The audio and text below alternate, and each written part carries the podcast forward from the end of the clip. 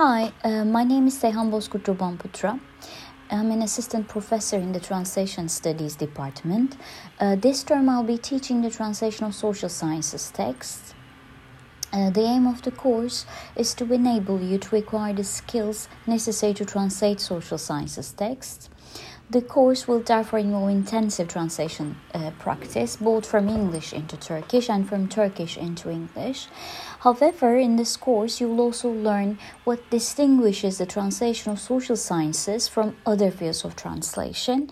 Therefore, the course will consist of two parts uh, a discussion of the principles behind the translation of social sciences texts, and secondly, analysis and translation of texts from fields such as psychology, sociology, philosophy, translation studies, uh, history, um, cultural anthropology.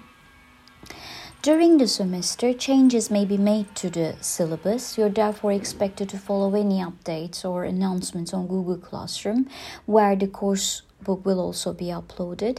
Looking forward to see you in the class.